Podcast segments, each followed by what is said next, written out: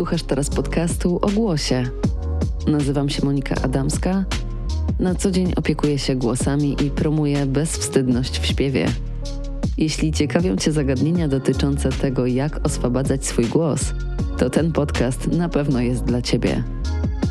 Zostań i posłuchaj więcej.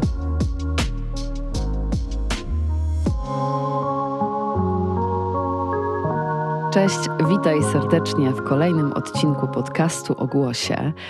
Pewnie słyszysz, że mój głos jest lekko zmieniony, a to dlatego, że ostatnio e, przez e, chwilę chorowałam i ta choroba wpłynęła dosyć znacząco e, na mój układ oddechowy i na moją krtań ale staram się nad tym pracować, to znaczy przywrócić sobie moje zdrowie trochę szybciej, między innymi pracując z oddechem.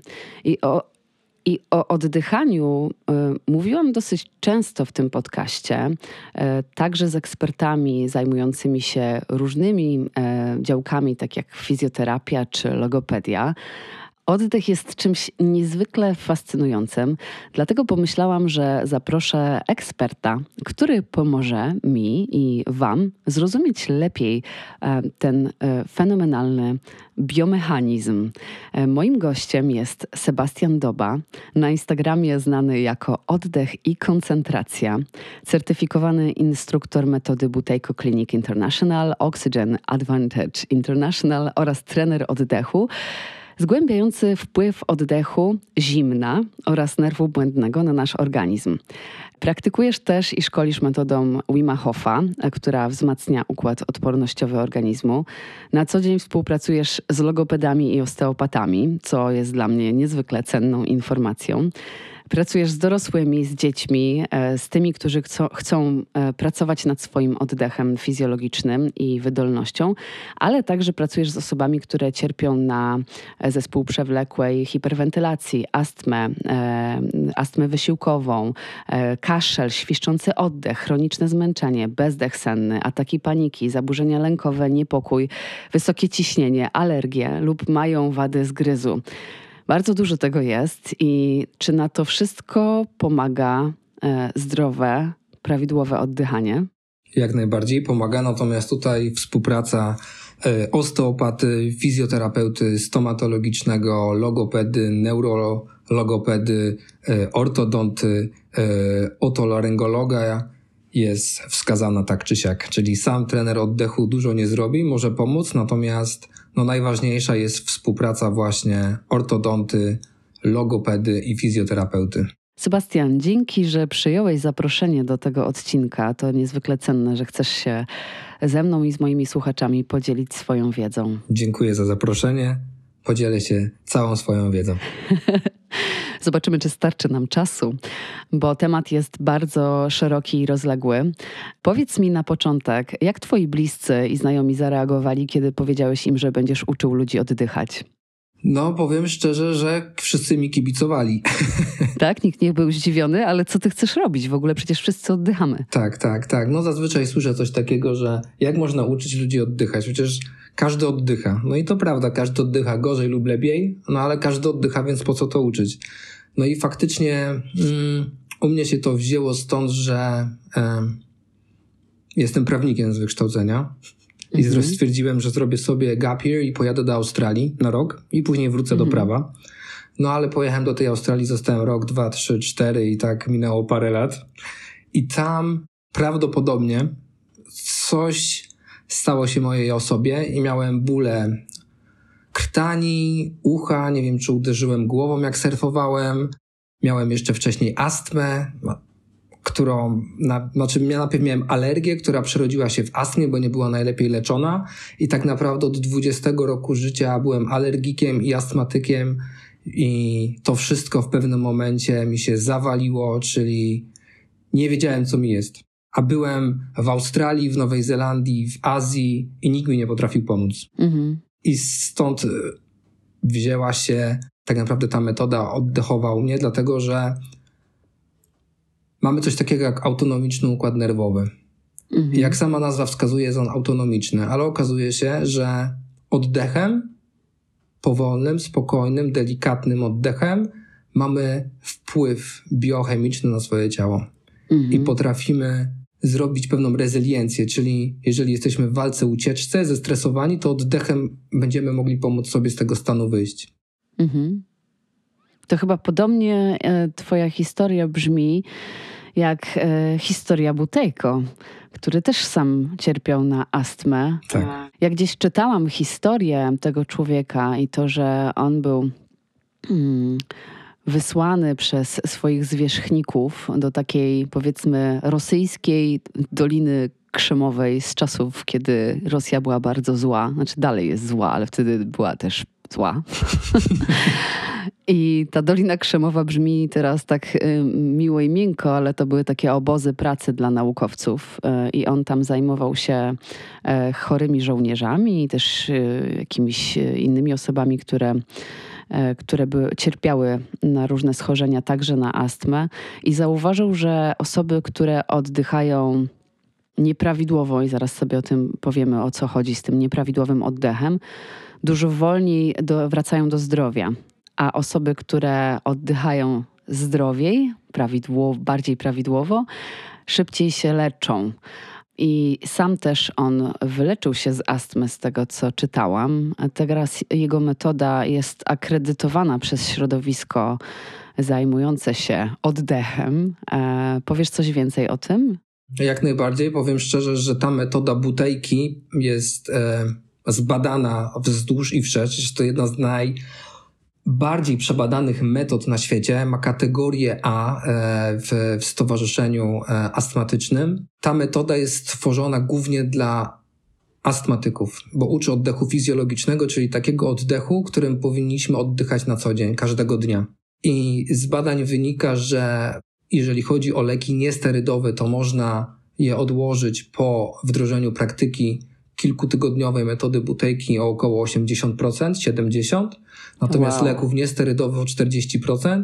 Mi akurat udało się to zrobić praktycznie do zera.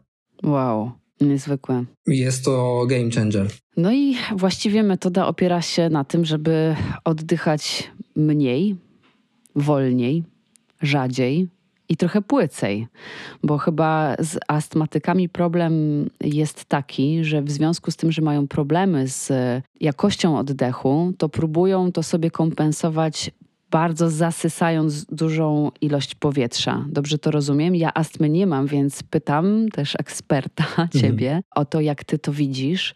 E, no i właśnie sposobem na to, żeby to zmienić, jest coś, co by człowiekowi nawet nie, jakby nie wpadło do głowy, że właśnie spróbuj oddychać trochę mniej i trochę wolniej, i trochę płycej.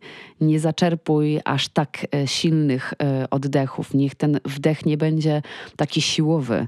Niech on nie będzie takim, nie wiem, mogłabym to nazwać takim pragnieniem oddechu, takim po prostu, wiesz, wiesz o czym mówię. Dobra intuicja? Bardzo dobre. To lecimy. opowiedz więcej. Więc na samym wstępie muszę powiedzieć jedną rzecz, że my przez lata byliśmy uczeni, że aby się dotlenić, to musimy oddychać dużo. Ja na przykład często przed jakimiś egzaminami wychodziłem sobie przed uczelnię i brałem takie żeby mm. bardziej się dotlenić. A się okazuje, że tak naprawdę się hiperwentylujemy. Czyli tutaj, mm. jeżeli weźmiemy bardziej naukowo do tego podejdziemy z 1904 roku, to mamy coś takiego jak efekt Bora. Efekt Bora mówi o tym, że jeżeli dwutlenek węgla nie jest na odpowiednim poziomie 5,5-6,5%, to tlen nie odrywa się od hemoglobiny i tak naprawdę nie dotleniamy swoich narządów i tkanek. Także 30 oddechów takiego e, szybkiego, głębokiego oddechu zmniejsza ilość dwutlenku węgla o około 50%, a to doprowadza mniej tlenu do mózgu około 40%. I momentalnie mhm. wprowadza siebie w walkę ucieczkę. Czyli mhm nie wiem, czy słyszałaś takie stwierdzenia jak walka, ucieczka? Tak, tak, jak najbardziej. Zobacz, walka, ucieczka. Miałaś kiedyś pewnie taką sytuację z kimś, że nie wiem, się mogłaś z kimś po, posprzeczać, wróciłaś do domu i pomyślałaś, kurde, mogłem mu to powiedzieć. Albo jej, nie? I to przychodzi z czasem, dlatego że walka, ucieczka to nie jest czas na myślenie, nie? Tak. Dlatego przed egzaminem dużo ludzi się stresuje, denerwuje, obszary mózgu odpowiedzialne za intelekt nie są dotlenione, ukrwione i tak naprawdę w walce ucieczce powinniśmy, jak sama nazwa wskazuje, walczyć albo uciekać. Więc jeżeli my będziemy chcieli podejść do tematu intelektualnie, to nie będziemy mogli korzystać ze 100% swoich jakby umiejętności, nie? Ale um, układ współczulny i przywspółczulny tak. działają jednocześnie, tylko um, są sytuacje, w których właśnie jeden działa bardziej, tak. a drugi mniej. E, I tym oddechem jesteśmy w stanie pracować nad tą taką e, homeodynamiką e, w tych układach, prawda? Tak, taką rezyliencją. To jest ciekawe, bo bo na przykład e, z mojego punktu widzenia e, osoby, która występuje czasami na scenie, scena to jest taki, takie miejsce, w którym oczywiście e, włącza się układ nerwowy w takim kontekście, że jest stres, jest strach, jest trema. Zapominasz tekstu. Natomiast z drugiej strony, e, im większe masz doświadczenie, im e, częściej wystawiasz się na tą ekspozycję, im bardziej widzisz, że scena nie gryzie, że ludzie wcale nie przychodzą tam po to, żeby cię oceniać i, nie wiem, obrzucać pomidorami, e, albo żeby bawić się w jury, tylko raczej są tobie przychylni i gratulują ci po występie, tym łatwiej ci jest zapanować nad tym układem, tym łatwiej ci jest oddychać, tym łatwiej ci jest śpiewać, tym więcej pamiętasz właśnie tekstu na przykład. I to jest, to jest ciekawe właśnie obserwować to, jak, jak działanie tych układów zmienia się, też w zależności od tego, jaki masz sposób myślenia. Zresztą przecież układ oddechowy e, czy sposób oddychania regulujemy myślą. To jest układ psychosomatyczny. Tak, tak. Jak najbardziej jest takie bardzo fajne badanie, że e, właśnie na muzykach, chyba z 98 musiałbym zobaczyć, które wskazuje na to, że większość muzyków około 70-80, mocno hiperwentyluje się przed samym występem. Czyli sam mhm. fakt tego, że wchodzą na scenę, będzie powodował u nich hiperwentylację. Czyli mhm. tak naprawdę, jeżeli my chcemy wejść na scenę skoncentrowani, z taką uważnością, byciem tu i teraz, to trzeba byłoby mocno zadbać o swój oddech, o zwiększoną ilość tego dwutlenku węgla przed samym wejściem na przykład, nie? Czemu tak dużo ludzi, bo mówi się, że bardzo dużo ludzi nie oddycha prawidłowo, czemu tak jest? Jest to pewien styl życia, do którego jesteśmy przyzwyczajeni w XXI wieku. Nasz sposób oddychania znacząco różni się od oddychania naszych przodków. Przede wszystkim przewlekły stres. Mhm. Ja też wrzuciłem u siebie na Insta pewne wykresy związane z tym, jak, jak powiększyła się, jak się powiększyły w ogóle depresje wśród ludzi i korzystanie z psychologów. O, po to się powiększyło na przestrzeni 20-30 lat o około, nie wiem, chyba 70%. No ale trzeba też przyznać tutaj punkt taki, że teraz świadomość na temat zdrowia psychicznego się zmieniła i teraz już korzystanie e, z pomocy psychologa, psychoterapeuty, psychiatry przestaje być już aż tak wstydliwe i ludzie coraz częściej się diagnozują. Kiedyś też mogło być sporo depresji, tylko one nie były e, właśnie poddawane poddawane diagnozie, bo ludzie nie chodzili do specjalistów, bo nie chcieli po prostu być uznawani za świerów wariatów. Na szczęście się to zmieniło, ale pewnie ma, masz rację i naukowcy, y, którzy zgłębiają tutaj statystyki, y, też pewnie to widzą, że bardzo dużo ludzi współcześnie ma problem z, z depresją i z przewlekłym stresem. To prawda. Musimy natomiast jakby mieć pewien instrument i narzędzie, dzięki któremu będziemy mogli to porównywać. Czyli jakby te suche dane są na tyle istotne, że dają nam jakąś wiedzę, natomiast już takiej perspektywy e, życiowej, to zobacz, co się dzieje obecnie z dzieciakami, jeżeli chodzi o TikToka, Facebooka, przesiadanie w telefonach, jak wyglądało nasze życie, jak wyglądało ich życie na przestrzeni jednego pokolenia. Bodźce, w ogóle te stymulanty takie, cały czas jesteśmy bombardowani e, środowiskiem zewnętrznym. Wszystko tak. się dzieje tak szybko i tak dużo. Fast food, no. fast car, fast sex, jakby tak. McDonaldyzacja społeczeństwa w dzisiejszym świecie jest przeogromna i musimy na to zwrócić uwagę. I to jest pierwszy czynnik, stres. On po mhm. prostu jest moim zdaniem zdecydowanie większy niż, niż kiedyś. Poza tym też, jak sobie pomyślimy o tym, jak y, kiedyś w jakich grupach żyli ludzie, o. mówię o, o, czasach dawnych, dawnych, Super, to, to te społeczeństwa były bardzo małe, a teraz y, i wszyscy się znali, a teraz otaczamy się samymi nieznajomymi tak. w każdym miejscu, to musi działać na nasz gadzi mózg. E, musi. Jak najbardziej. Zobacz, kiedyś wychodziłaś, nie wiem, z jaskini, wchodziłaś w walkę, ucieczkę, polowałaś za zwierzyną, wracałaś i byłaś w domu, już się nie stresowałaś, a teraz wracasz po pracy z domu i myślisz, Jezu, wysłałam tego maila czy nie? Tak. Jezu, jutro znowu do roboty, Boże. A, no cóż, takie jest życie, nie? I tak naprawdę, mhm. szczerze powiem, że dużo ludzi nie wychodzi ze stanu walki, ucieczki permanentnie. Zobacz, jedziesz ulicą, ktoś ci zajeżdża drogę i ty już się denerwujesz, nie? I to już jest takie, mhm. wiesz, już, już wchodzisz w walkę, ucieczkę, już mówisz, kurde, i masz, wiesz, godzinę, dwie dochodzisz do siebie tak naprawdę, nie? Mhm. Albo będzie miało to wpływ później na twój cały dzień. Do tego dochodzi następny bodziec stresowy w pracy i tak dalej. Także tutaj czynnikiem na pewno jest stres, ale jakbyśmy poszli dalej, no to nawet przetworzona żywność, nie? Zobacz, jak ta mhm. żywność wyglądała kiedyś, jak wygląda dziś, nie? Czyli mhm. efekty jakiegoś metabolizmu i tak dalej, nie? Nawet samogryzienie.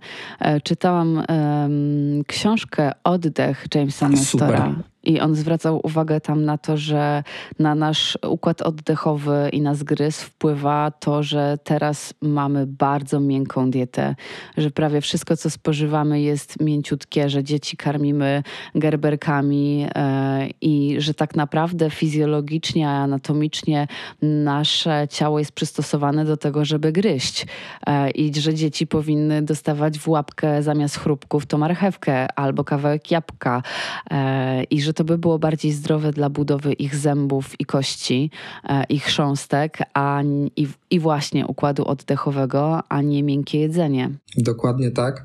To była tak, książka Jamesa Nestora i on to porównywał do czasów z rewolucji francuskiej, chyba z 1789, tak, jak był w katakumbach tak. paryskich i porównywał tak. po prostu uzębienie budowę. całe czaszki, mhm. mhm. twarzoczaszki, Dokładnie. budowę. I to jednak zobacz, to się działo na przestrzeni 200-300 lat, natomiast już ten proces zachodzi dużo, dużo wcześniej, nie? Bo zobacz, e, piękna, piękna rzecz, którą wskazał, to, to, chyba wskazał albo ktoś inny wskazał, nie wiem, e, kogo przytaczam teraz, ale że zwierzęta nie mają takich wad zgryzu, jakie my mamy. Znaczy zdarzają się oczywiście osobniki z wadami zgryzu, ale to są wyjątki, a w, we współczesnym społeczeństwie e, prawie każda jednostka ma jakiś problem ze zgryzem. Dokładnie tak, dokładnie tak, bo no, jakbym cię teraz zapytał, co się dzieje z mięśniami w ciele, których nie używamy. E, ulegają dystrofii. Dziękuję. No i to jest wszystko w temacie. Bardzo polecam zagłębienie się w ortodo- tak zwanej tej ortodoncji funkcjonalnej. Mhm. To powoli wchodzi na polski rynek, chociaż starzy ortodonci doskonale wiedzą o co chodzi, bo my tak naprawdę wracamy, wracamy do lat 50. Mhm. ubiegłego wieku.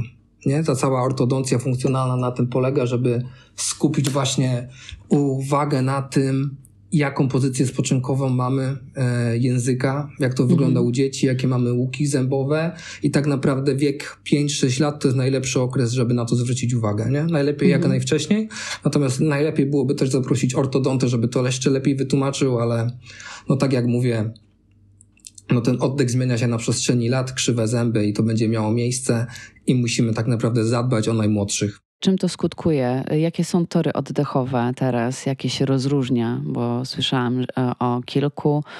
Który jest prawidłowy, który jest nieprawidłowy? Wiesz co, to wszystko będzie zależeć a czy jest jeden prawidłowy wzorzec oddechowy, natomiast jeżeli ktoś bierze e, boki wdech i oddychatorem górnożebrowym, no to nie możemy przejść od razu do oddechu przeponowego, tylko musimy najpierw poćwiczyć ten tor brzuszny.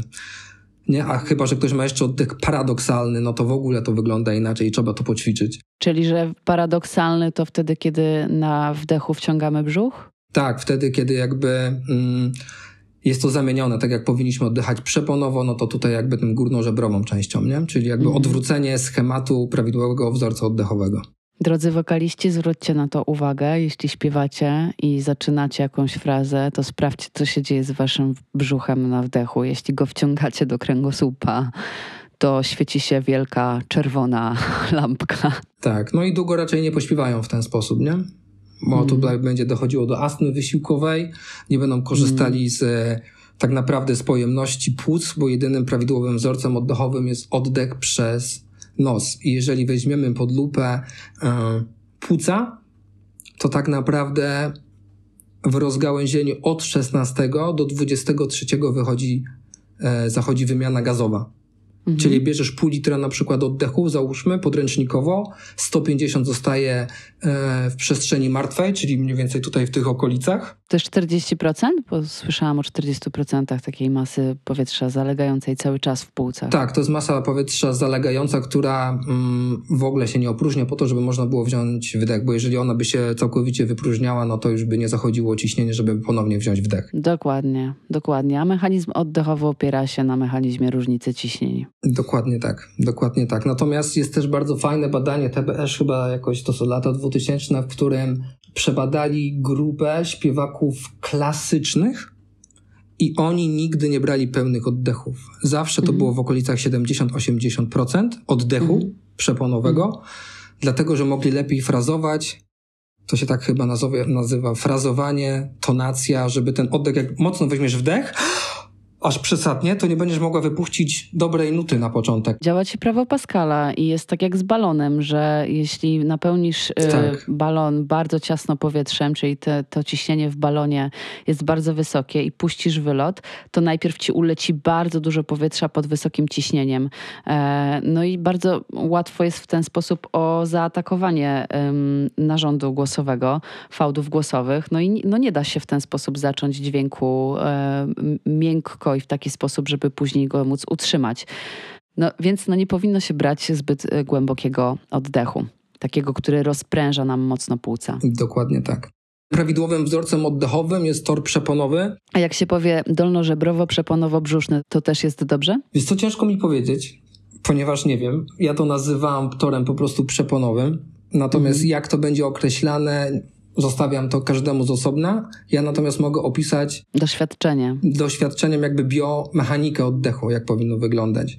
Bo większość ludzi, z którymi jakby współpracuję, myślą, że tor przeponowy to jest zazwyczaj tor brzuszny.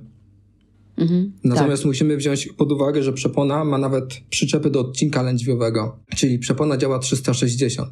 Mhm. Czyli tak naprawdę to jest wzięcie oddechu przodem, bokami i tyłem. I to jest prawidłowy tak. wzorzec oddechowy. Natomiast jeżeli ktoś ma oddech górnożebrowy, no to nie przejdę z nim do oddechu przeponowego, tylko najpierw poćwiczę z nim tor brzuszny, nie? I z toru mhm. brzusznego przejdę do toru prawidłowego Czyli przeponowego. trzeba pokazać mu tą drugą stronę, skrajność, tak. żeby dojść do e, centrum w pewnym momencie. Dokładnie tak. I wziąć też pod uwagę, co się dzieje w sytuacji stresowej, bo na przykład te oddechy Wima Hofa skąd się wzięły, nie? On mniej mhm. więcej zauważył, że wchodził do lodowatej wody i zauważył, że jego ciało reaguje w ten sposób, że bierze głębokie wdechy. I później mhm. jakby to przeniósł wszystko na, e, na oddech po prostu, nie? Żeby mm, tą zasadę z lodowatej wody przenieść na oddech. Plus tam tummo i tak dalej, później już były badania i tak powstały oddechy Wima Hofa. No a wyjaśnisz, e, trochę bardziej przybliżysz, Czytałam e, odrobinę na ten temat w książce Jamesa Nestora o, o tym oddechu tumu, troszeczkę o Wimie Hofie. Tam zahaczał leciutko, nie, nie było to bardzo rozległe, ale, ale coś tam było wspomniane. I właśnie osobach, o osobach, które wędrowały gdzieś po górach w śniegu, prawie na golasa i stosując metody oddechowe, doprowadzały do tego, że e, śnieg wokół nich się topił, a, a one mogły sobie siedzieć po prostu spokojnie i, e, i przeżywały, co się w ogóle wydaje być czymś paranormalnym, magicznym, ezoterycznym na maksa. E, jak ty to widzisz? Więc może przejdę do tego oddechu Wima Hofa. Mm. Oddech Wima Hofa, żeby ludziom tutaj wytłumaczyć w ogóle o co chodzi z tym oddechem, to jest 30 szybkich, głębokich oddechów, mhm. gdzie zazwyczaj one są robione przez usta. Oczywiście możemy to robić przez nos i usta, jakby jest dowolność, jeżeli chodzi o oddech. Ja proponuję, żeby to robić przez usta, dlatego że są głębsze doznania, ponieważ nie zmniejszamy objętości oddechowej, tak jak przez nos na przykład, tylko przez usta jest jakby lepsza możliwość oddechowa, więc proponuję, żeby to robić przez usta. Później e, robię wydech, nie mam powietrza w płucach, wytrzymuję do e, komfortu albo tyle, ile chcę, tyle, ile mogę i później biorę mocny wdech. I to są oddechy Wim Hofa. Te po prostu mhm. popularne. W badaniu jest co prawda tych oddechów 20, ale kiedyś Wim właśnie powiedział, że jak ktoś go tam zapytał, e, dlaczego robi 30, jak było 20 w badaniu, no to Wim jak to Wim odpowiedział, że 20 działa, to dołóżmy jeszcze 10, to już na pewno będzie działać, więc stąd te 30 szybkich oddechów. Dla pewności. Dla pewności. A on mieszka w Polsce, prawda? On, tak, ma swoje miejsce w Przesiece, w górach. Mhm. I też mniej więcej w tamtych rejonach właśnie obok niego prowadzę warsztaty oddechowe i tam sobie morsujemy też, nie? Wprowadzamy mhm. jakby te jego trzy elementy, czyli to jest oddech, zimno i koncentracja, medytacja mhm. bardziej o. Jeżeli chodzi o te aspekty biochemiczne, to wchodzimy w delikatną hiperwentylację, choć nie jest to taka typowa wenty- hiperwentylacja, dlatego że później wprowadzamy sobie tą e, zwiększoną ilość jakby dwutlenku węgla. Mm. I teraz muszę cię coś zapytać, żeby mhm. to też wytłumaczyć ludziom. Mhm. E, powiedz mi, czy wiesz, co jest głównym bodźcem oddechowym? Co powoduje to, że musisz wziąć oddech? Wcześniej lub później. Jaki gaz? No, chyba dwutlenek węgla. Dokładnie tak. Więc czynnikiem jakby, który mówi nam, kiedy wziąć oddech, jest dwutlenek węgla. Więc jeżeli bierzesz szybko 30 oddechów, mhm. to wypuszczasz bardzo dużo dwutlenku węgla. I tak. tak. naprawdę ludzie są zszokowani, że po tym oddechu są w stanie wytrzymać półtorej minuty, dwie minuty, trzy minuty na bezdechu. A to dlatego, że zanim ten dwutlenek węgla uzbiera się do odpowiedniego poziomu, to tyle czasu mija, niż normalnie, jakbyś przestała oddychać. Rozumiem. No ciekawe. I teraz co się dzieje tak naprawdę w tym czasie? W tym czasie, jeżeli wzięlibyśmy saturację, zmierzyli sobie pulsoksymetrem, to większość ludzi jest w szoku, ale tam saturacja nam spada do 60-70, a niektórym do 30-35 nawet. Mhm. I dalej żyją. I dalej żyją. I co się dzieje w tym czasie? W tym czasie dzieje się coś takiego jak wyrzut adrenaliny, który gasi stany zapalne po nocach.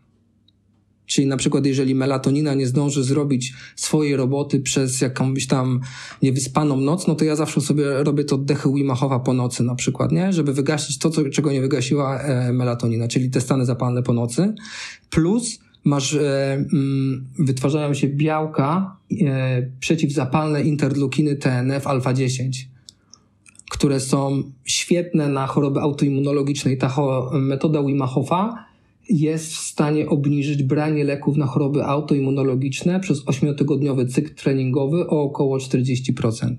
Wow. Nie? Oddechem. Mhm. I znowu przebadane naukowo. I to jest przebadane, to jest badanie z 2014 roku, można je sobie ściągnąć na stronie Wima Hofa, jest nawet filmik, jak to działa. Więc tutaj jakby nic nie mówię z jakichś warsztatów, to są wszystko rzeczy ogólnie przez niego dostępne, więc tak. zachęcam, żeby przeczytać te badanie. A jest też bardzo fajne badanie właśnie z 2014 roku, które pokazuje tak naprawdę, co się wydarzyło. Były, mm, były dwie grupy. Jedna grupa kontrolna i druga e, grupa z WIM-em. I oni tam właśnie wprowadzali te trzy filary, czyli oddech, zimno i medytacja. I pierwsza grupa ćwiczyła z WIM-em, a druga grupa nie robiła nic. To była chyba 18, 18-osobowa grupa z WIM-em i 12-osobowa kontrolna, chyba z tego co pamiętam, ale musielibyście mhm. zajrzeć sobie w badania.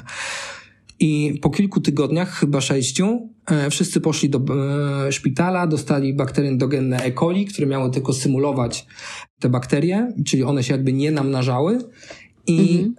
grupa, która trenowała z WIM-em w 100% nie miała żadnych objawów, biegunek, mhm. wymiotów, nic, a druga grupa miała wymioty, biegunki, wszystko. To, co powinno być. No i ja mhm. się też zacząłem zastanawiać, skoro grupa WIMA nie miała nic, czyli układ odpornościowy nie zaczął działać, a druga grupa miała te wszystkie rzeczy, to, to coś tu jest nie tak. Mhm. No i po sprawdzeniu po prostu tego badania mm, zdanie w zdanie doszliśmy do wniosku ze znajomymi, że nasz układ odpornościowy jest przestymulowany. Mhm. Nie? Czyli to tak jakbyś wróciła w poniedziałek rano do pracy, miała tysiąc maili i nie, i nie wiedziała za co się zabrać. Mhm.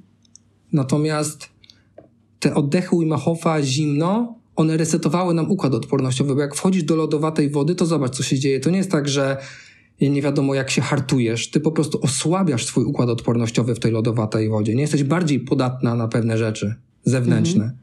ale ty resetujesz ten układ odpornościowy i pozwalasz mu zacząć działać. Nie? Czyli resetując układ odpornościowy tymi oddechami, ty pozwalasz mu działać tak, jak on powinien działać, ale poprzez ilość stanów zapalnych, czyli przetworzone jedzenie, niewyspanie, stres, on po prostu nie wie, w co włożyć ręce. A oprócz tego te markery e, zapalne spadały, dlatego że powstawały między innymi ta białka przeciwzapalne interleukiny TNF alfa 10, nie? które mhm. łagodzą te stany zapalne i doprowadzają w rezultacie do możliwości zmniejszenia brania leków na choroby autoimmunologiczne, takie jak reumatoidalne zapalenie stawów na przykład, nie? A samo oddychanie wystarczy, czy trzeba do tego jeszcze wprowadzać element zimna? Ja jestem zwolennikiem zimna, także każdemu proponuję, żeby to zrobił i będzie to. Yy, wtedy też powstaje noradrenalina, adrenalina. Natomiast, no, jeżeli ktoś nie lubi zimna, to, to zachęcam, żeby polubił. A czy łatwiej jest polubić zimno, kiedy się stosuje te ćwiczenia? Wiesz co, powiem ci tak, że z tym morsowaniem to jest kwestia podejścia, bo większość ludzi wchodzi do lodowatej wody i ja się bardzo cieszę, że oni wchodzą, ale szukają komfortu w dyskomforcie, czyli wchodzą w rękawiczkach, w czapkach, we wszystkim. I tak naprawdę ja ze swoją grupą w Poznaniu robię tak, że my wchodzimy, nawet się nie rozgrzewamy. Nie, mhm. wchodzimy do lodowatej wody, nie rozgrzewamy się, no bo zobacz, mięśnie e, zaczynają pracować, krew się nagrzewa, to trafia do serca, czyli może to spowodować jakiś nieszczęśliwy wypadek. W sensie, że wtedy jest zbyt duża różnica temperatur, tak? Tak, duża różnica temperatur, to wszystko reguluje serce, więc jakby ja nie zachęcam do tego, żeby e, rozgrzewać się przed wejściem do lodowatej wody, tylko żeby się ciepło ubrać, tak żeby było nam ciepło. Później e, się rozbieramy, wchodzimy do lodowatej wody i co jest rewelacyjne w lodowatej wodzie jest to, że od razu wchodzimy w walkę ucieczkę. Mhm. Czyli nie ma gorszego. Tu jakby trawienie y, przestaje funkcjonować, y, krew jest doprowadzona tylko do narządów, które są potrzebne, żeby utrzymać nas przy życiu mhm. i wchodzimy tak naprawdę tam w medytację. Bo jest nam tak zimno, że nie myślimy o kredycie, aparacie ortodontycznym dzieci czy czymkolwiek innym, tylko myślimy o tym, żeby przeżyć. Tu nie ma myśli, dlatego ta medytacja w lodowatej wodzie jest kluczowa. I mhm. jeżeli ktoś się bardzo stresuje, to ja stosuję jeszcze dodatkowo oddechy, czyli wydłużam wydech. Mhm. I teraz zobacz, ty wchodzisz do lodowatej wody, jest walka, ucieczka, regulujesz to sobie oddechem, czyli uspokajasz swój układ, mhm nerwowy poprzez wydłużony wydech. Nie? Zaczyna się wytwarzać acetylocholina po około 90 sekundach i jesteś w stanie po 10 minutach wydłużonego wydechu zmieniać tonus nerwu błędnego, czyli momentalnie daje swojemu organizmowi znać, że to ty panujesz nad sytuacją. Mhm. I zobacz, jakie są konsekwencje przyszłościowe tego działania. Ja mam teraz tak, że im bardziej się stresuję, tym moje ciało widzi, że się stresuje i bardziej się relaksuje. Na przykład wchodzę do lodowatej wody, i już sobie zrobiłem coś takiego, że obręcz barkową luzuję i wydłużam wydech. Mhm. I to samo, i tak samo mi ciało reaguje w innych stresowych sytuacjach. Czyli ono po prostu zaczyna się uspokajać, mhm. bo jest do tego przyzwyczajone. Im bardziej się stresuje, tym bardziej się relaksuje moja obręcz barkowa. A ile powinniśmy brać oddechów e, na minutę? Zanim odpowiem na to pytanie, to ja bym proponował, żebyś ty i e, twoi słuchacze sobie to sprawdzili. Co ty na to? I byśmy może też sprawdzili od razu pauzę kontrolną, która będzie kluczowa, żeby zadbać o swój instrument, jakim jest gardło, krtań, na którym pracujecie tak naprawdę 24 na dobę, bo nie wyciągacie swojego śpiewu, możliwości śpiewania z, e, jak, jak, tak jak instrument z jakiegoś tam e, miejsca, tylko musicie o niego dbać 24 godziny na dobę, czyli nawet jak śpicie. No, dźwięk to jest wydech rozwibrowany przecież. Dobra, lecimy. To ja wkładam stoper w takim razie i co? I liczę sobie, co sobie liczę? Wdechy sobie liczę? W ciągu minuty chciałbym, żebyś policzyła, ile bierzesz wdechów. Czyli puszczasz stoper, liczysz, ile oddechów wzięłaś, robisz stop i dzielisz się wynikiem. Dobra, to ja się teraz relaksuję. Opadnę sobie na fotel włączę stoper i liczę. Chciałbym też, żebyś nie wydłużała tego oddechu, tylko brała normalnie nie, ten będę wydech, starała nie? się oddychać tak totalnie normalnie. Dokładnie tak. Dziesięć. Rewelacyjnie. Jakby podręcznikowo mm, z książek medycznych to jest od 10 do 12 to jest standard. Mhm. Ja proponuję w metodzie butejki, żeby w czasie spoczynku było to od 4 do 6. Natomiast w latach 50., e, 30. ubiegłego wieku no była to jakby połowa tego, co oddychamy, czym teraz oddychamy, bo każdy wdech ma około pół litra, e, więc jak oddychamy tam 10 razy, no to jest około 5, nie? Więc rewelacyjny wynik. Natomiast jeżeli ktoś oddycha 17, 18, no to już bym tutaj wdrożył metodę butejki, nie? Mhm. A co z pauzą kontrolną? Mhm. Jeżeli nie mamy spirometru i nie jesteśmy sobie w stanie, w stanie jakby odpowiedzieć na jakieś tam pytania związane z naszym oddechem, to taką, możemy to sobie z, sprawdzić tak zwaną pauzą kontrolną w metodzie butejki lub w metodzie Oxygen Advantage, to jest TWOT, czyli test wysycenia organizmu tlenem. I to proponuję zrobić zawsze rano, dlatego że nie jesteśmy w stanie zaburzyć swoich wzorców oddechowych po nocy, czyli oddychamy po prostu automatycznie. Natomiast w dzień, jak już zaczniemy ruszać przeponą i zrobimy to sobie koło tam 12-13, no to te wyniki mogą być trochę zawyżone, więc zawsze tą pauzę kontrolną proponuję, żeby zrobić rano. Pauza mhm. kontrolna to jest taka technika, gdzie bierzemy wdech przez nos, wydech przez nos, tylko ten wdech i wydech przez nos muszą być takie, jak oddychasz teraz na przykład. Czyli nie, mogą, nie możesz się przygotowywać tym oddechem do wstrzymania oddechu. Czyli po prostu mhm. normalny wdech, tak jak liczyłaś sobie, ile bierzesz wdechów i wydechów, tak robisz to teraz. Czyli bierzesz wdech, wydech, zasłaniasz sobie nos, włączasz stoper i patrzysz sobie, na ile jesteś w stanie wytrzymać na bezdechu, ale do uczucia głodu powietrza. Czyli jeżeli twój organizm już ci teraz podpowie, że chce wziąć wdech, to bierze wdech.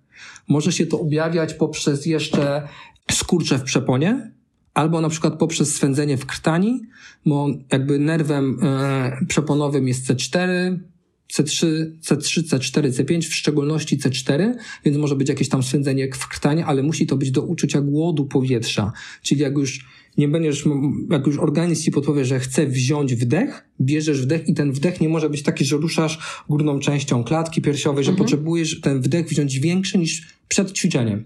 Nie? Czyli wdech, wydech, ten wydech normalny. Mhm. No dobra. Super. I do uczucia głodu powietrza. Jak już czujesz, że chcesz wziąć wdech, to wdech. Jak nie, to wytrzymujesz dłużej. 30. Super. 30 sekund to jest bardzo dobry wrzos oddechowy i tutaj moglibyśmy już zamiast ćwiczeń statycznych wprowadzać e, pewne ćwiczenia ruchowe.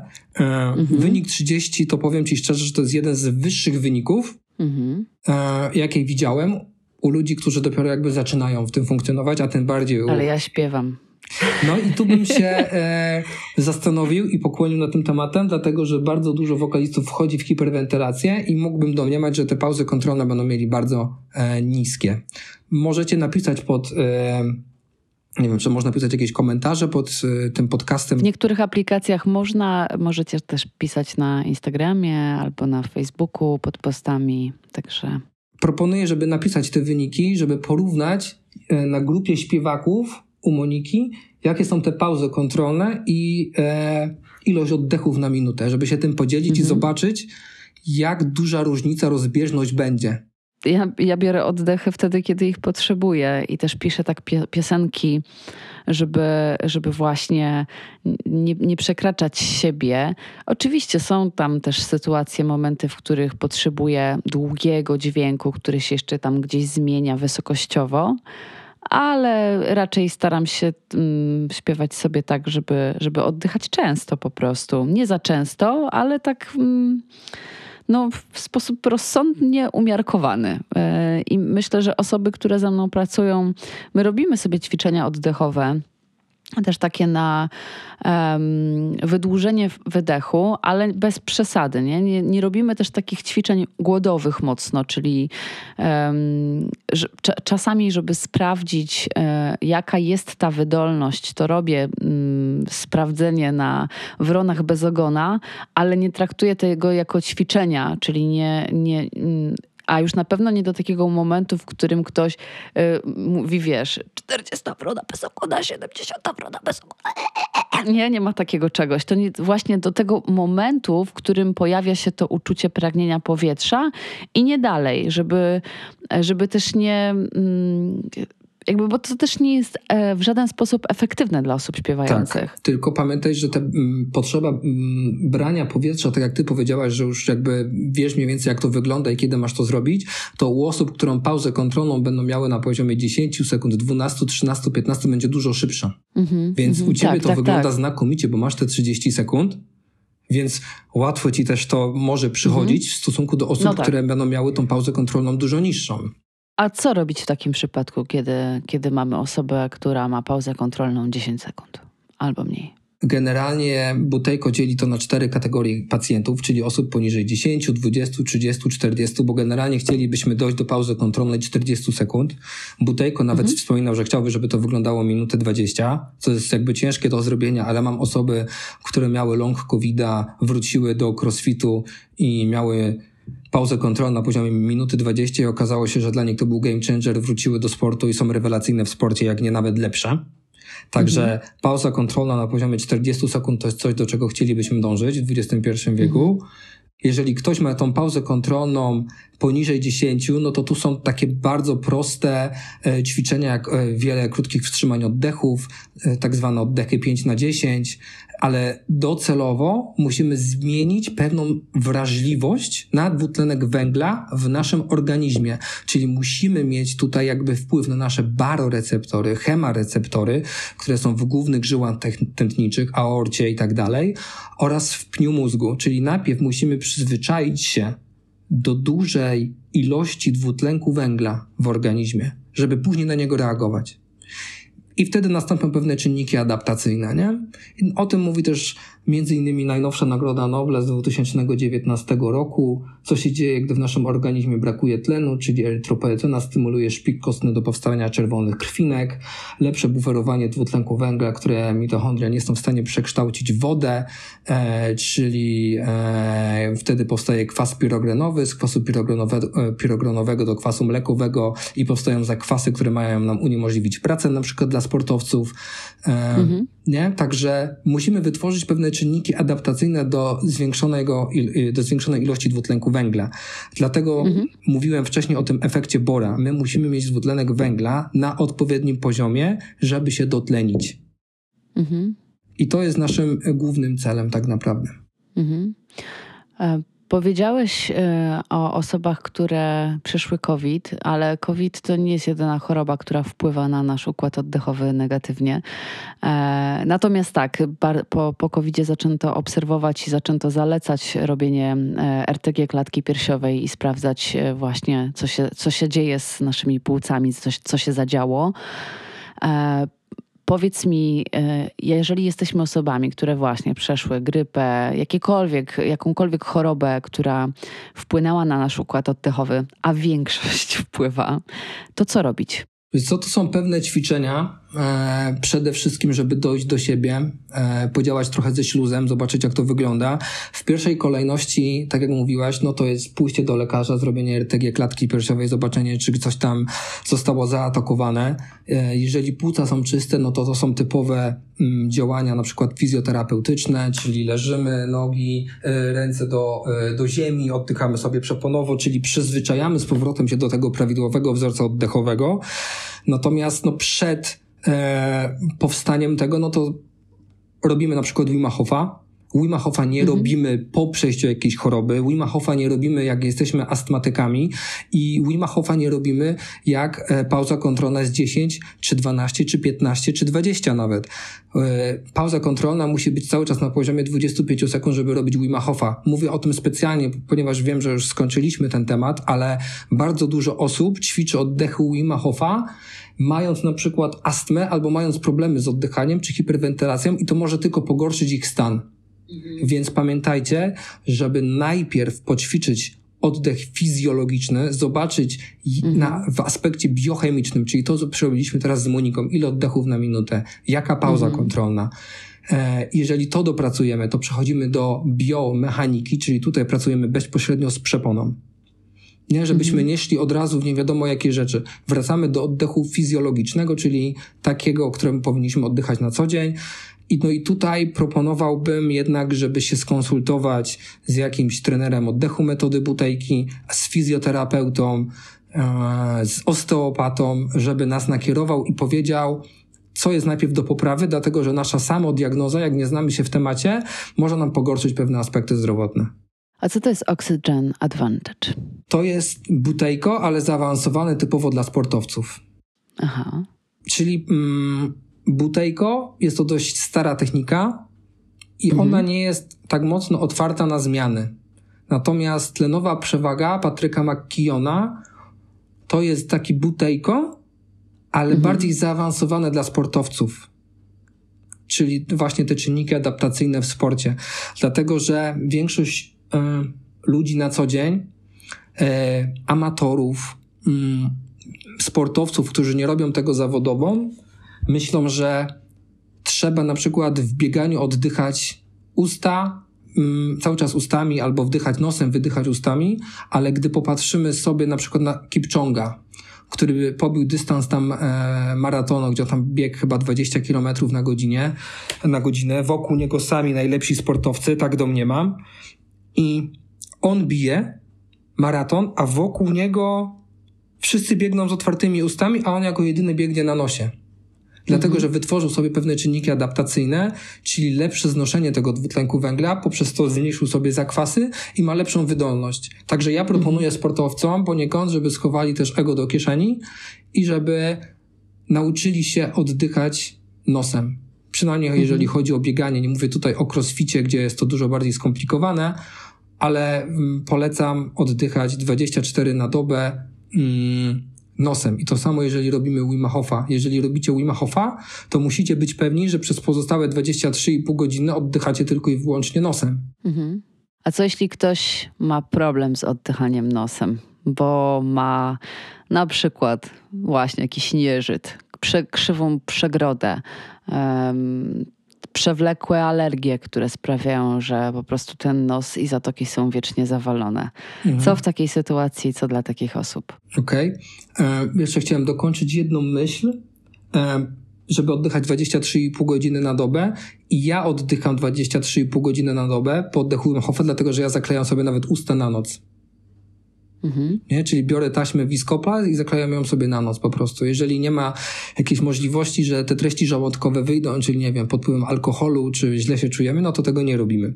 A teraz odpowiadając na twoje pytanie, jeżeli ktoś ma krzywą przegrodę, zawalony nos, alergię, katar sienny i tak dalej, to jest ćwiczenie w metodzie butejki, to jest ćwiczenie na odetkanie nosa. To jest mhm. ćwiczenie, które wygląda w ten sposób, że zatykasz sobie, robisz wdech, wydech, zatykasz sobie nos, i liczysz, żeby było przynajmniej 30 pyknięć, wytrzymujesz, możesz się to bujać z prawo na lewo, e, robisz sobie od pół minuty do minuty przerwy i powtarzasz tą czynność sześciokrotnie. Dodatkowo można dołączyć jakieś tam inne jeszcze ćwiczenia oddechowe i jeżeli ja po 10-12 minutach widzę u swojego pacjenta, że on może oddychać przez nos, to znaczy, że jemu nie jest potrzebna e, żadna operacja przegrody, nie? Czyli jestem w stanie mhm. to zrewidować po prostu w ciągu kilku minut. I jeżeli on nie jest w stanie oddychać, no to wtedy operacja przegrody i tak dalej, nie? Mhm. Natomiast no, trzeba też uważać, że mm, to jest jakby mało spotykane, ale też mało e, laryngolodzy o tym mówią, że jest coś takiego jak empty nose syndrome, czyli jest wycinany mhm. zbyt duża ilość małżowin i ludzie nie czują, że oddychają, popadają w depresję. Także jakby trzeba wziąć pod uwagę, że każdy rodzaj mm, skalpela, jakiegoś e, działania na naszym organizmie może powodować również konsekwencje ujemne. Ja natomiast e, no nie jestem lekarzem, nie robię tych zabiegów, więc jeśli ktoś to robi, no to to domniemam, że Ale robi znowu, to dobrze. nieużywany organ ulega atrofii, więc jeśli nie oddychacie nosem, to będzie wam bardzo trudno oddychać nosem, ale jeżeli spróbujecie zacząć e, chociażby właśnie korzystając na przykład z metody butejki, to mm, możecie ten nos sobie na nowo odpalić, bo po prostu jak organizm załapie, że, że tutaj jest jakieś używanko, no to, to po prostu e, powoli te struktury zaczynają się e, regenerować. Także warto jest e, zacząć od tego, a nie od razu pod, pod nóż. E, można, można to sprawdzić i, i, serdecznie do tego zachęcamy. No dobra, tak cały czas mówimy o tej przeponie, przeponie, przeponie. A co ty mm, myślisz na temat podparcia przeponowego? Czy w ogóle masz jakieś zdanie na ten temat? E, oczywiście mm, jest to takie pytanie z gwiazdką, bo nie jesteś osobą śpiewającą, prawda? Nie jest. Znaczy, to no muszę się pochwalić, bo nagrałem dwie płyty. Jedną u Roberta Fredrika, drugą u Tomasza Rożka, ale było to w momencie, kiedy miałem 16-17 lat. Wow. No, ale podróżowaliśmy po całej Polsce. Koncerty graliśmy. Pozdrawiam, jeżeli są to 1125, Schizmę, Hatebreeda i tak dalej, z którym miałem przyjemność grania kiedyś. Wow. Apatię też pozdrawiam serdecznie, także ja bardziej z tych no, klimatów. fajne klimaty muzyczne, super. No to właśnie, no to jesteś osobą śpiewającą. Um, I na temat przepony i w ogóle jakby używania przepony w w śpiewaniu, no bo słuchajcie, kiedy śpiewacie i oddychacie, wasza przepona pracuje, to tak czy inaczej używacie tej przepony. To jakby to jest istotne, żeby, żeby zaznaczyć. Ale mówi się o czymś takim jak e, podparcie przeponowe e, i cały czas w środowisku muzycznym nie ma jasności co do, co do tego. Inaczej się mówi o tym w środowisku klasycznym, inaczej w środowisku rozrywkowym, jazzowym. Każda, e, każda, mm, każdy gatunek ma swoje, swoje przekonania dotycz, dotyczące tego. Jak ty to widzisz? Mhm. Powiem ci, że ja w tamtym okresie życia po prostu śpiewałem i nie miałem pojęcia, że jest coś takiego jak przepona. ja po prostu wychodziłem na scenę i dobrze się bawiłem i, i schodziłem z niej i piłem kubusia. I tak to wyglądało. Natomiast e, ciężko mi powiedzieć tak naprawdę definicyjnie, czym jest podparcie oddechowe bo nie wiem.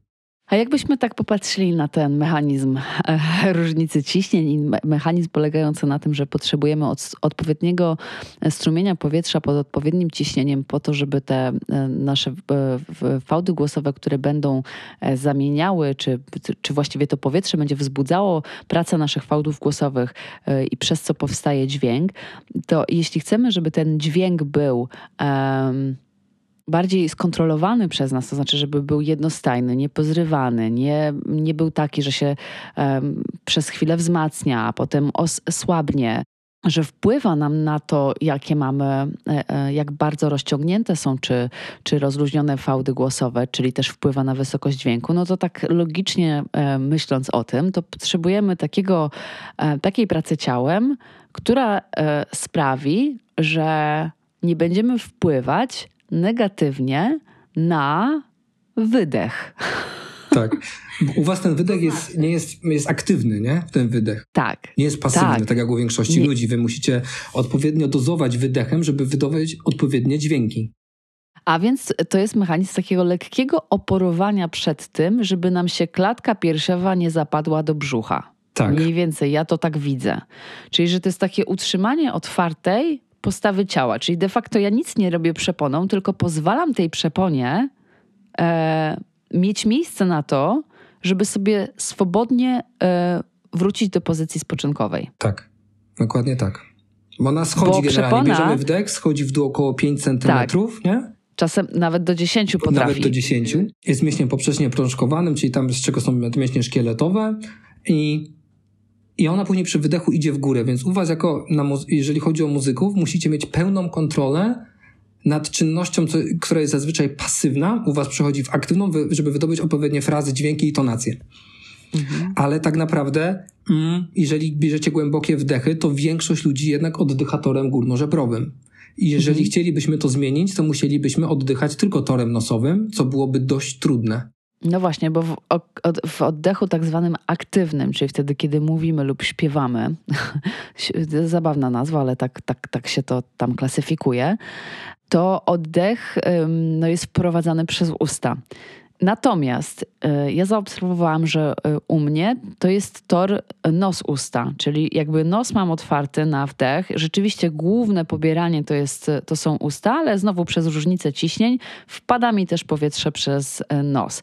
Dzięki czemu ten wdech jest moim zdaniem bardziej ergonomiczny. On jest przede wszystkim wie, mniej czasu mi zajmuje. Mhm. Mogę wziąć równie duży wdech, e, jak osoba, która oddycha tylko ustami, ale w krótszym czasie. Super. Tak, bo zwiększasz objętość oddechową, czyli jakby korzystać z dwóch rzeczy, czyli e, jamy ustnej i nosa, nie? Jamy nosowej. Tak, tak, tak. Przez, przez to też część powietrza jest e, przefiltrowana i ogrzana przez e, górne drogi oddechowe. Tak, no bo jakbyśmy teraz spytali naszych widzów i wszystkich, jakie nos spełnia funkcje, no to jest ogrzewanie, ocieplanie, jakieś tam nawilżanie. Jeszcze tam się wytwarza tlenek azotu. tlenek azotu, który jest też niezwykle istotny w procesie oddechowym. Inhibicję replikacji infekcji wirusowych, czyli jest jakby powoduje, że patogen się nie rozmnaża, nie? I można to sobie zwiększyć szesnastokrotnie mrucząc, tak jak jest brzę, brzę, brzęczenie pszczoły w jodze, czyli robić takie Mm. Bardzo często robimy mormorando na zajęciach e, wokalnych. Nie, rozszerzacie drogi oddechowe. Też fajne ćwiczenie, dlatego kiedy oczywiście jest też robione w sposób taki zdrowy i dobry, bo każde ćwiczenie można przesadzić i zrobić nie tak jak trzeba. Absolutnie. Ale, ale takie mruczenie bardzo fajnie e, bardzo fajne jest na start. Y, bardzo pokazuje, że praca fałdów głosowych czy powstawanie dźwięku wcale nie musi być um, brutalne, tylko może być właśnie takie mięciutkie, przyjemne. No i wibracja w ogóle, wibracja jest, ma też potencjał leczniczy. E, rozmawiałam też o tym w odcinku na temat TRE e, z Grażyną Okulską. Też sama dogrzebałam się do badań pokazujących e, ciekawą informację dotyczącą kotów na przykład, które mruczą, e, że kotki między innymi mruczą w trakcie porodu. Nie dlatego, że to jest dla nich przyjemny, y, przyjemne wydarzenie, tylko właśnie między innymi po to, żeby łagodzić swój ból, e, stres związany z porodem e, i że koty, które mruczą po zabiegach operacyjnych, dochodzą do zdrowia szybciej niż, niż te kotki, które nie mruczą. Też właściciele kotów e, mają e, zmniejszone chyba o 40% ryzyko zachorowania na e, choroby z, dotyczące układu kr krążenia i zawały serca. Takie też badania gdzieś się pojawiają. No w ogóle niesamowite. Wibracja jest, ma naprawdę bardzo wysoki potencjał leczniczy. Także mruczenie jak najbardziej, moi drodzy, mruczmy. Mruczmy, dokładnie tak. I też proponuję wprowadzić jakieś elementy koncentracji dla śpiewaku przed wejściem, nie? czyli jakieś tam metody medytacyjne. A jakie metody byś e, polecał? Z tymi metodami koncentracji to jest tak, że ja używam trochę naprzemiennie, chociaż wiem, że e, dużo ludzi by mnie za to zbanowało. Medytacji z koncentracją nie używam słowa medytacji, dlatego że nie chcę być szufladkowany w definicji mhm. medytacji. Musimy w ogóle wiedzieć, o co chodzi w, tak, w medytacji, w koncentracji. My chcemy, każdy inny organ w swoim ciele, żeby nie zanikł, mieć nad nim kontrolę. Mhm. Czyli jeżeli my wchodzimy do medytacji i nagle nam się przypomina, że mamy zrobić coś, a później coś, a później coś, to to jest tak, tak naprawdę trenowanie naszego umysłu. Mhm. nad rozpraszaczami, tak zwanej małpki, która nam tam podpowiada, ciągnie nas gdzieś za, e, za ten ogon słonia i próbuje nas e, odwrócić od uwagi, którą chcemy. Czyli w mojej koncepcji koncentracji, medytacji chciałbym, żeby mój umysł wykonywał to, co ja chcę. Mhm. Nie? I musimy to traktować trochę tak jak, nie wiem, jak swojego pupila, kotka na przykład, nie? Czy tam pieska. Jeżeli mhm. e, właśnie piesek jest jakiś tam agresywny i leci mu piana z pyska, to nie jest dobry moment na to, żeby robić medytację po prostu, nie? Także to też musimy wziąć pod uwagę. No w ogóle zrozumienie tego, jak działa anatomia stresu i tego, że o tym też często mówię, też pojawia się to w odcinkach, że w sytuacji, kiedy e, w naszym organizmie e, pojawia się ten czynnik stresowy i ładuje się układ współczulny, to do naszego organizmu zostaje wydzielona masa hormonów, które mają nam i glukozy do, do mięśni, które mają nam pomóc w tym, żeby przez 10-15 minut móc walczyć albo uciekać.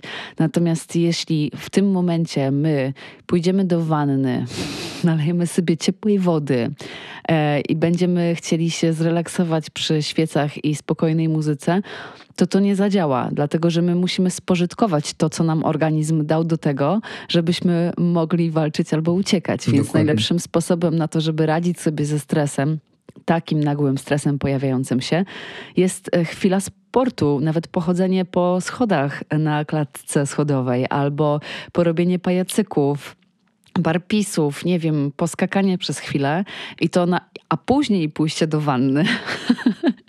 się zrelaksować, nie? Żeby, żeby też troszeczkę mieć większą świadomość na temat tego, na temat anatomii procesów zachodzących w naszym ciele, bo to często nie trzeba mieć wiedzy molekularnej. E, wystarczy mieć ta, taką właśnie wiedzę ogólną i ona w zupełności wystarczy. Tak, tak, tak. Podążać trochę za instynktem, który nam podpowiada organizm. Nie? Mimo, że jest mhm. dużo zabu zaburzeń, ale faktycznie słuchać naszego organizmu. A nie filmów na Netflixie. A nie filmów na Netflixie, dokładnie. Ja na przykład wiem, kiedy medytuję dobrze, a kiedy medytuję źle. Mhm. I mam wyniki, mam wykresy i dokładnie wiem, która medytacja na mnie działa, a która nie mhm. działa. A jakie polecasz? Mam kilka urządzeń. Mhm. Więc e, jest takie urządzenie, które się nazywa Muse i one wysyła fale mózgowe do pnia mózgu, z pnia mózgu wracają i patrzą, w jakich falach mózgowych operujesz, czy jesteś alfa, w becie, w tecie, czy w ilu jesteś i ci wypluwa później informację zwrotną, mhm. w ilu procentach medytowałaś prawidłowo. Masz y, drugą apkę, która nazywa się Mind Monitor, która e, szczytuje co do sekundy, jaka fala mózgowa była w jakiej sekundzie. Wrzucasz to wszystko do Excela i możesz później to zacząć interpretować na swój sposób. Mhm. Mendy, y, takie urządzenie, które sprawdza ci korę przedczołową, jej utlenie, utlenienie i nakrwienie, czyli to typowo na koncentrację, czyli mhm. masz grę na przykład na komórce i podnosisz sobie tą piłkę siłą umysłu, koncentracji w górę. I widzisz, mhm. czy jesteś skoncentrowana, czy nie, za pomocą dotlenienia i ukrwienia twojej kory przedczołowej albo na przykład bezpośrednio wysyła ci e, różne częstotliwości, e, fale mózgowe na przykład do, do mózgu, nie? Jeszcze to nie jest magia i czary? Nie, to są, to są lata 80. w Stanach. Nie? Tylko mhm. to dopiero jakby dochodzi do, w Polsce. To jest tak zwany ten biofeedback, nie wiem, czy ktoś to... Biofeedback, tak. Tak, mhm. ten neurofeedback i to po prostu te urządzenia są już dostępne dla mm, osób fizycznych, nie? Mhm. I ja na przykład sobie jestem w stanie zweryfikować i swoich podopiecznych, E, i dobrać dla nich medytację, która będzie najbardziej efektywna, bo na przykład dla kogoś może być odliczanie w dół, nie wiem, od 599 do 500 w dół. Dla mhm. kogoś, mhm. i to jest jakby rodzaj koncentracji, ale on też pomaga skupić się na liczeniu, dlatego nie rozpraszają cię inne rzeczy. To mhm. może być wejście do lodowatej wody, kiedy ta walka, ucieczka jest tak duża, że nie skupiasz się na niczym innym. Mhm. Po 30 oddechach Wima Hofa, gdzie wstrzymujesz oddech, też jest ułatwiona medytacja. Jest kilka trików, gdzie możesz sobie najpierw zobaczyć, jak to powinno wyglądać, a później to przenieść na różnego typu inne techniki, nie? Czyli ja bym proponował hmm. bardziej iść w tę mańkę. Ale takie odczuwanie, bo powiedziałeś o tej świadomości, o tym, że y, ważne jest to, żeby czuć swój organizm. Myślę, że bardzo tutaj się spotykamy w jednym miejscu, bo też mi na tym zależy, e, pracując z osobami, które powiedzmy uczę śpiewu, ale to nie, to nie o to chodzi na tych zajęciach. E, każdy oczywiście, z os, każda z osób, które do mnie chodzi, mówi, że daje jej to coś innego. Jedni przychodzą tutaj po odwstydzanie głosu, inni po to, żeby um, lepiej śpiewać jakieś, jakieś swoje rzeczy, ale tak naprawdę ze wszystkimi robimy czucie e, swojego ciała i czucie dźwięku w ciele skoncentrowanie się na tym, jak wiele my jesteśmy w stanie odczuć e, w naszym ciele, e, a sprawę mamy bardzo ułatwioną, dlatego że wibracja jest bardzo silnie odczuwalna. Więc jeśli się dobrze na tym skupimy, to jesteśmy w stanie poczuć różnicę ciśnień, e, na przykład pod krtanią, w zależności od tego, e, jaki dźwięk śpiewamy, albo jak mówimy, albo jak mruczymy. Jesteśmy w stanie e, odczuć różnicę dotyczącą rezonacji, e, dotyczącą akustyki dźwięku w naszym ciele. E, z, z, różnicę, która polega też na tym, jak rezonuje nasze ciało, kiedy jest spięte, jak rezonuje, kiedy jest rozluźnione jak rezonuje, kiedy oddychamy tak albo inaczej, kiedy stoimy na jednej nodze, kiedy stoimy na ugiętych kolanach i luźnej miednicy. Co się stanie, kiedy ta miednica jest spięta, kiedy zepniemy brzuch? Jakie e, niuanse są odczuwalne przez nas? I na początku często jest taka właśnie sztywność, e, takie poczucie, że ja nic nie czuję, taka lekka frustracja, ale jak sobie zdejmiemy te oczekiwania i pozwolimy sobie na to, żeby nie wiedzieć, bo nie wiemy na początku, początku. Żyjemy, tak jak wspomniałeś też, w, w czasach, w których um, strasznie dużo rzeczy nas bombarduje i my trochę się odcinamy, odcinając się tym samym od odczucia swojego ciała. Ale jak tylko wejdziemy na chwilę w ten stan, w którym pozwalamy sobie na to, żeby rzeczy się same działy, żeby śpiewanie się samo robiło, żeby się samo śpiewało, to nagle zaczynamy zauważać to, jaki my mamy wgląd w siebie. I to też jest takie no quasi medytacyjne, albo nawet medytacyjne. Nie wiem, jak ty byś to nazwał. Ja bym to nazwał tak, jak ty powiedziałaś, czyli pięknie, może bym dorzucił do tego nawet e, pracę z wewnętrznym dzieckiem, na przykład tak jak robi Aneta Łastik, bo to też mhm. o to musimy zadbać, nie? Czyli o małego siebie.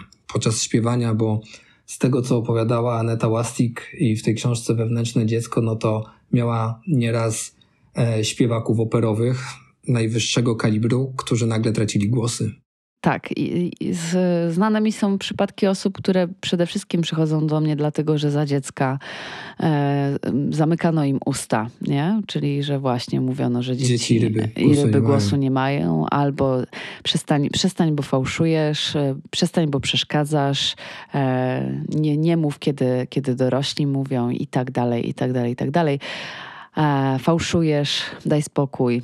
No i, i to, są, to, to są traumy, które w naszym ciele też zostają i też trzeba, mo, mo, na, zachęcam do tego, żeby się im przyjrzeć, bo jako osoby dorosłe, do osoby w pełni już świadome, e, mamy bardzo duży wpływ na to, co się dzieje z naszym ciałem co może się dziać dalej. E, no dobrze, to moje przedostatnie pytanie jest takie. Jakby ktoś chciał zacząć E, praktykę oddechową, e, to co byś polecał? Mm, no, głównie moje warsztaty mogłyby się skończyć no, na tym, e, żebym powiedział, że macie oddychać przez noc i to byłby, mhm. i to, to mógłby być koniec warsztatu.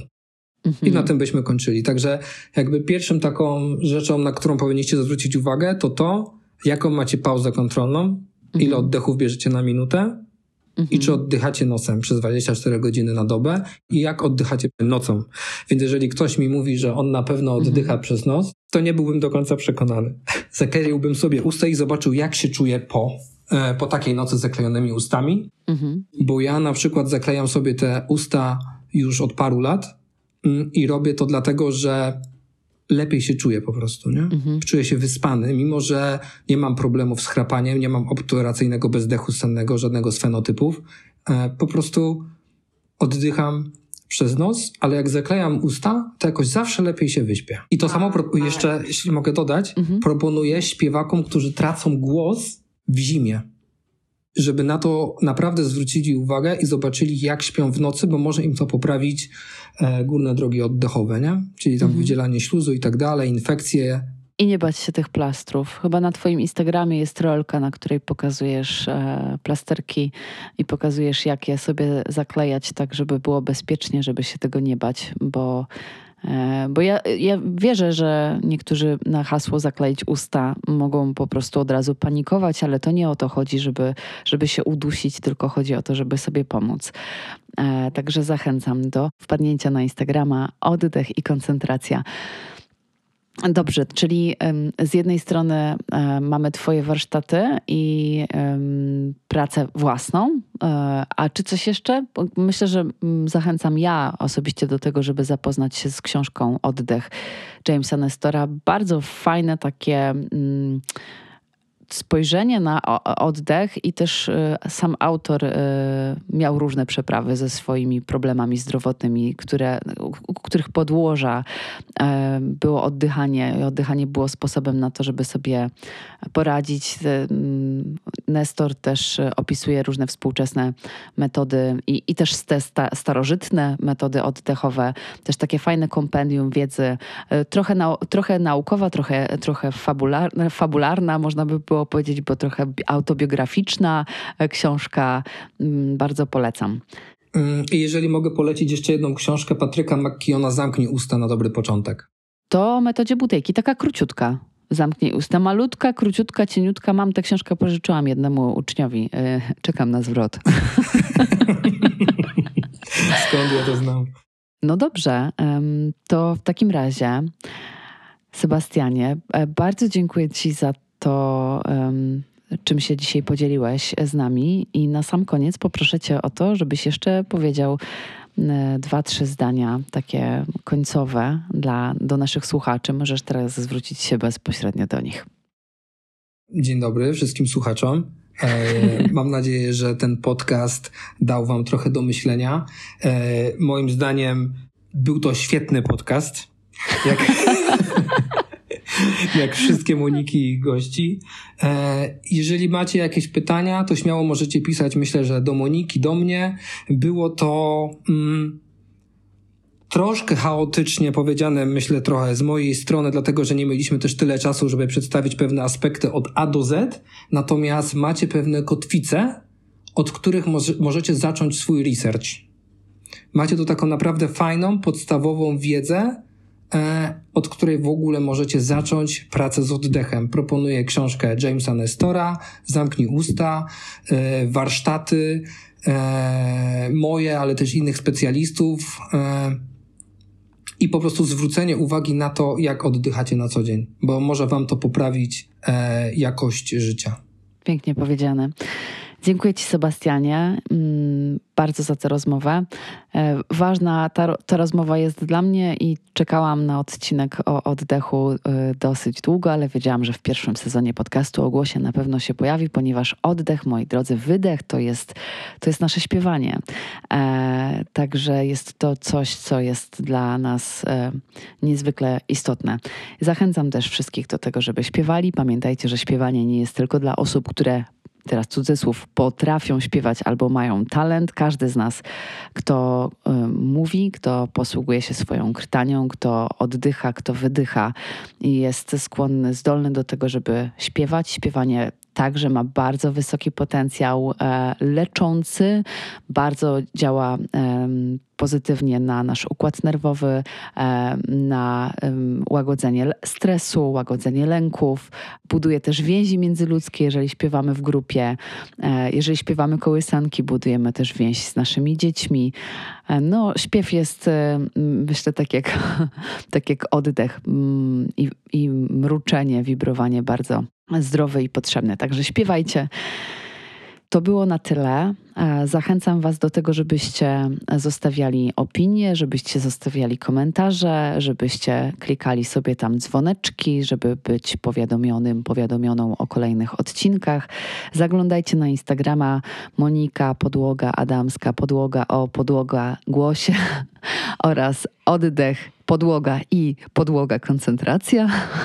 Zachęcam także do tego, żebyście subskrybowali mnie gdzieś tam na Facebooku. Też jestem Monika Adamska Głosy. E, piszcie do mnie na podcast ogłosie małpka.gmail.com.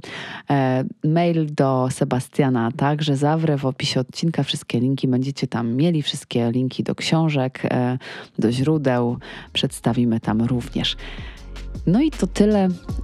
Do usłyszenia w kolejnych odcinkach. Pa! Dzięki, hej!